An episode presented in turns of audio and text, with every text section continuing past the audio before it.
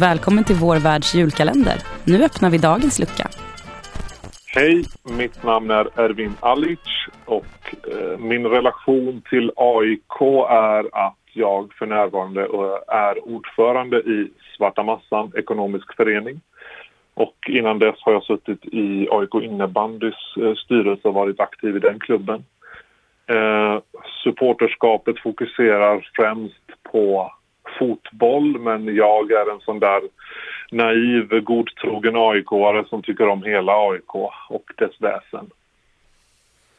Mitt bästa AIK-minne är kanske inte det bästa så sett men definitivt ett av de mest eh, känslofyllda och starkaste minnena så sett. Eh, att eh, man upplevde mycket i hjärnan och hjärtat och det är Sebastian Larssons frisparkskvittering mot Malmö hemma på nationalarenan.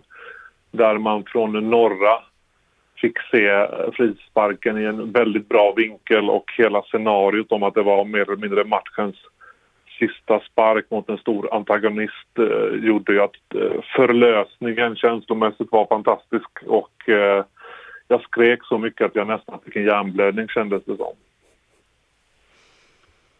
Min förhoppning inför 2020 för AIK fotboll är att vi vinner kuppen att vi hamnar topp tre åtminstone i allsvenskan och att vi gärna hittar någon lite okänd spelare som vi tar in i truppen och som får blomma ut under säsongen.